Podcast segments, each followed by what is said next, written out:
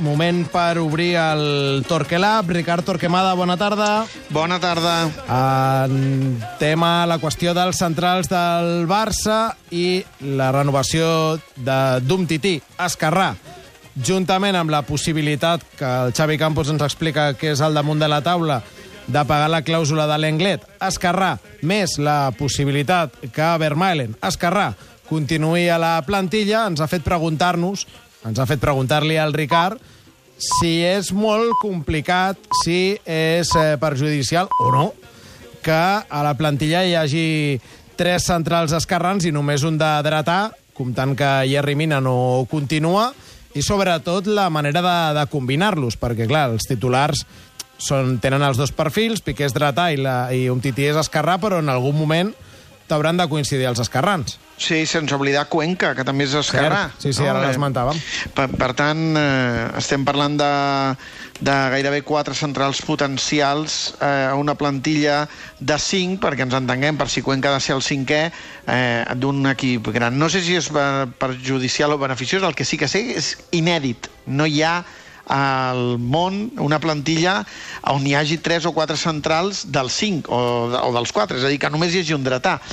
Ho dic perquè en, si repassem els grans ho veurem fàcilment. El Madrid té Nacho com a molt que utilitza les dues cames, l'Atlètic tenia Lucas que l'ha desplaçat al lateral esquerre, eh, si passes pel Paris Saint-Germain, ni Thiago Silva ni Marquinhos, Kimpembe és eh, l'esquerrà, eh, si passes pel Chelsea, que en té molts perquè juga amb tres, eh, gairebé si no tens David Luiz, que també utilitza les dues cames, no en tens cap altre, i així successivament. Chiellini probablement és el central esquerrà eh, a la Juve eh, més clar, i estem parlant de que és molt important, sobretot encara més si parlem d'un equip que vol sortir jugant. Si és un equip per defensar, gairebé diria que ser dretà o esquerrà a l'equip no, no l'afecta. No L'Atlètic de Madrid, Godín, que és el que ocupa el, el perfil esquerrà, és, és dretà. Sí, senyor. I és que gairebé tots. I Ramos al Madrid, i, i el City, fins i tot un equip que vol sortir jugant, ha jugat molt a Motamendi aquí, perquè la porta encara no ha explotat, tot i que va buscar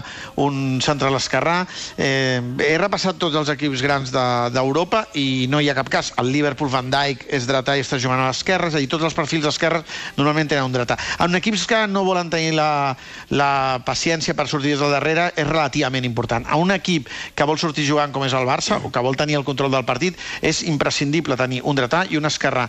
Dic que no sé si és beneficiós o perjudicial, tot i que apunto que el desequilibri d'entrada hauria d'afectar més en negatiu que no pas en positiu, perquè tenir a dos eh, jugadors eh, amb la mateixa cama dominant eh, et fa més difícil tenir amplitud en la sortida, perquè evidentment tothom diríem que sortiria o té més facilitat per la seva cama. En cas del dretans s'ha dissimulat molt, per exemple, el Barça amb Mascherano, ho ha dissimulat mm. bastant, però el Barça sempre ha buscat... I en Puyol abans. Exacte, sempre ha buscat un, un central esquerrà. El que no ha passat són dos centrals esquerrans. El Luis Enrique sí que ho va fer amb un Tití, que és un jugador que domina bé la posició, perquè la selecció sub-21 en França va jugar amb la Port molt i qui es quedava desplaçat a la dreta era un Tití, però no ha passat, és que en l'era del futbol modern no existeix. Hi ha pocs centrals esquerrans de màxim nivell, només els utilitzen els equips que tenen una necessitat de sortir i normalment els tenen repartits, perquè els dretans mm, no han deixat d'existir i són molts més dretans, com al món probablement no ho tinc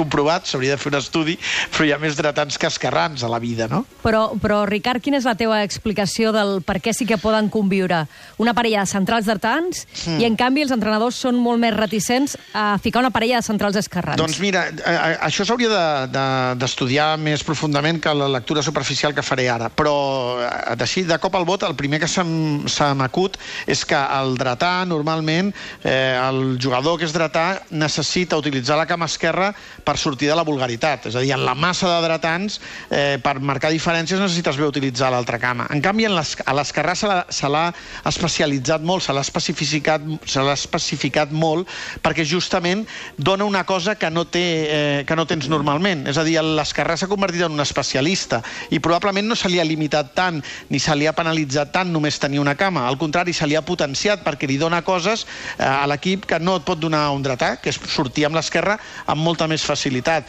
Eh, sempre hem vist que els nens que juguen amb la cama dreta, això deu haver canviat ara, eh?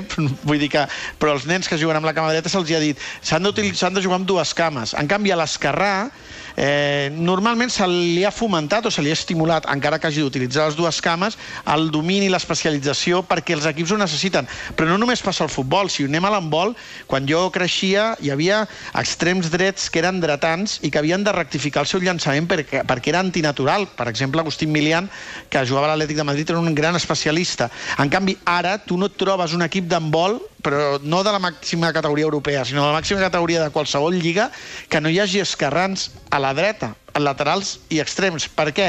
Perquè s'ha buscat molt especialitzar. Abans diríem que era una qüestió de supervivència i ara és una qüestió de professionalització, d'especialització.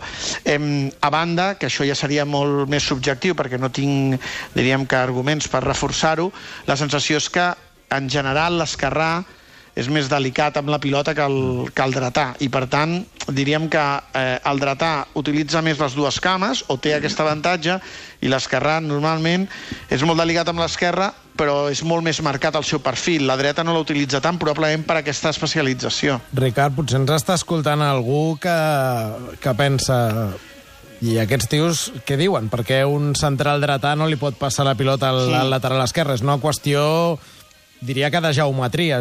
Exacte. De, que l'esquerrà queda més lluny, per dir-ho així, del davanter que, el ve a pressionar, la seva cama dominant. Exacte, per la idea de lateralitzar no? Eh, mm. la sortida és molt important perquè dona amplitud. Si el dretà juga a la dreta, l'equip pot sortir més fàcil jugant amb el lateral dret. No jugar per dintre, que probablement és més, és més perillós perdre una pilota. No? Dretà a la dreta té molt més fàcil el lateral i té molt més fàcil l'oferta d'una línia de passada eh, quan la té el lateral i esquerrar a l'esquerra també. Quan això ho inverteixes i dupliques, clar, el que juga al perfil antinatural ha de ser molt flexible per girar, eh, perquè normalment quan va cap a la dreta va cap al seu punt feble i allà té un problema, té el problema al lateral per aquesta connexió i té un problema per sortir en amplitud, la, la tendència és anar cap a dintre i és molt més perillós i diríem que eh, bascules molt més el joc cap a una banda, eh? perquè la teva tendència natural és aquesta. Eh, amb el, insisteixo que amb el dretà també passa, però els equips estan molt més acostumats. El que no s'està acostumat és de la mateixa manera el que no s'està acostumat a tenir un lateral dret esquerrà, gairebé, mm. diríem que inèdit eh, a la història del futbol, fa 20, o fin, fa 20 anys o fa 30 anys sí que hi havia laterals esquerrans dretans, però actualment gairebé, com explicava abans amb l'embol, això no passa, perquè és la manera de poder utilitzar l'amplitud del camp de manera més natural. Tot i això, insisteixo, com Titi ho ha fet i ho fa bé, però hem de veure si ho faria bé com una emergència, que és el que ha fet fins ara, o si com una idea estructural, perquè si Piqué tingués un, una lesió, el Barça no tindria un central dretà natural i no sé com s'ho arreglaria, però sí que sé que és inèdit, que és una situació nova, experimental, que ha d'avalar l'entrenador, que l'ha de valorar la, la direcció esportiva i que els centrals esquerrans que hagin de jugar a la dreta han d'assumir com a responsabilitat. El cert és que sí, concretament al Barça, aquesta última temporada això ja ha passat, perquè des que es lesiona eh, Macherano, que és el novembre, si no m'equivoco, eh, la resta de temporada pots dir, perquè després Marcherano ja marxa, mm. eh, cada cop que Piqué ha hagut de descansar ha estat un tití amb Vermalen que han format la parella de, de centrals abans que hi Rimina i tot. Eh, per tant, diríem que... Sí, però ha passat molt poc, eh?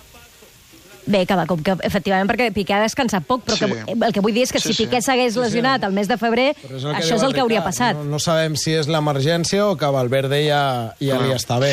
La veritat també, Sònia, és que sembla que un tití seria un dels pocs centrals esquerrans al món que han sí, jugat, sí. diríem que amb certa continuïtat, o més del que és normal a la dreta, perquè els esquerrans normalment ocupen mig camp eh, cap a l'esquerra, sobretot des de, des de la zona de defensa mig camp. Al davant, com que s'ha invertit i això de jugar a cama canviada s'ha posat de moda i li ha donat molts matisos als equips, els esquerrans ja juguen més a la dreta, però de mig camp cap enrere això gairebé eh, no passa i hauríem de saber si Umtiti es pot convertir en aquest especialista, però jo, per exemple, Vermaelen el veig amb moltes dificultats aquí perquè té un problema per girar, cap a la dreta, perquè és un jugador lent eh, per l'execució. Eh, L'Englet mm, no l'hem vist, per tant seria una novetat, un experiment, i quan arribes al Barça hi ha poc temps per començar a aprendre, i en el cas de Cuenca eh, el mateix. Els esquerrans han jugat normalment a, a l'esquerra. Ricard, acabo i a veure si, si se m'entén la pregunta.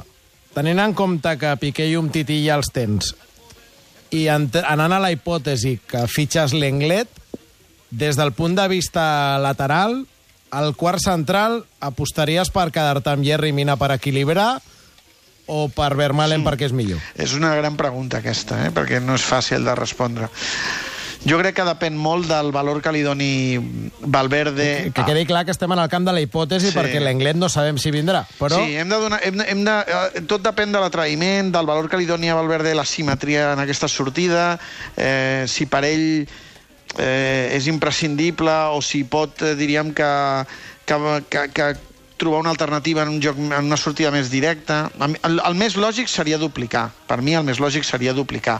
I, per tant, mm, jo d'entrada em quedaria amb dos dretans i dos esquerrans, però reconec que sóc molt ortodoxa mm. i que sóc molt poc atrevit i que a la vida es necessita evolucionar, innovar, i, per tant, estaria molt content també que, que el Barça, diríem que marqués un rumb amb convicció de buscar una solució que el futbol actual i el futbol mundial eh, no ha passat, perquè si no mai no evolucionaríem. Eh? Necessitem gent atrevida.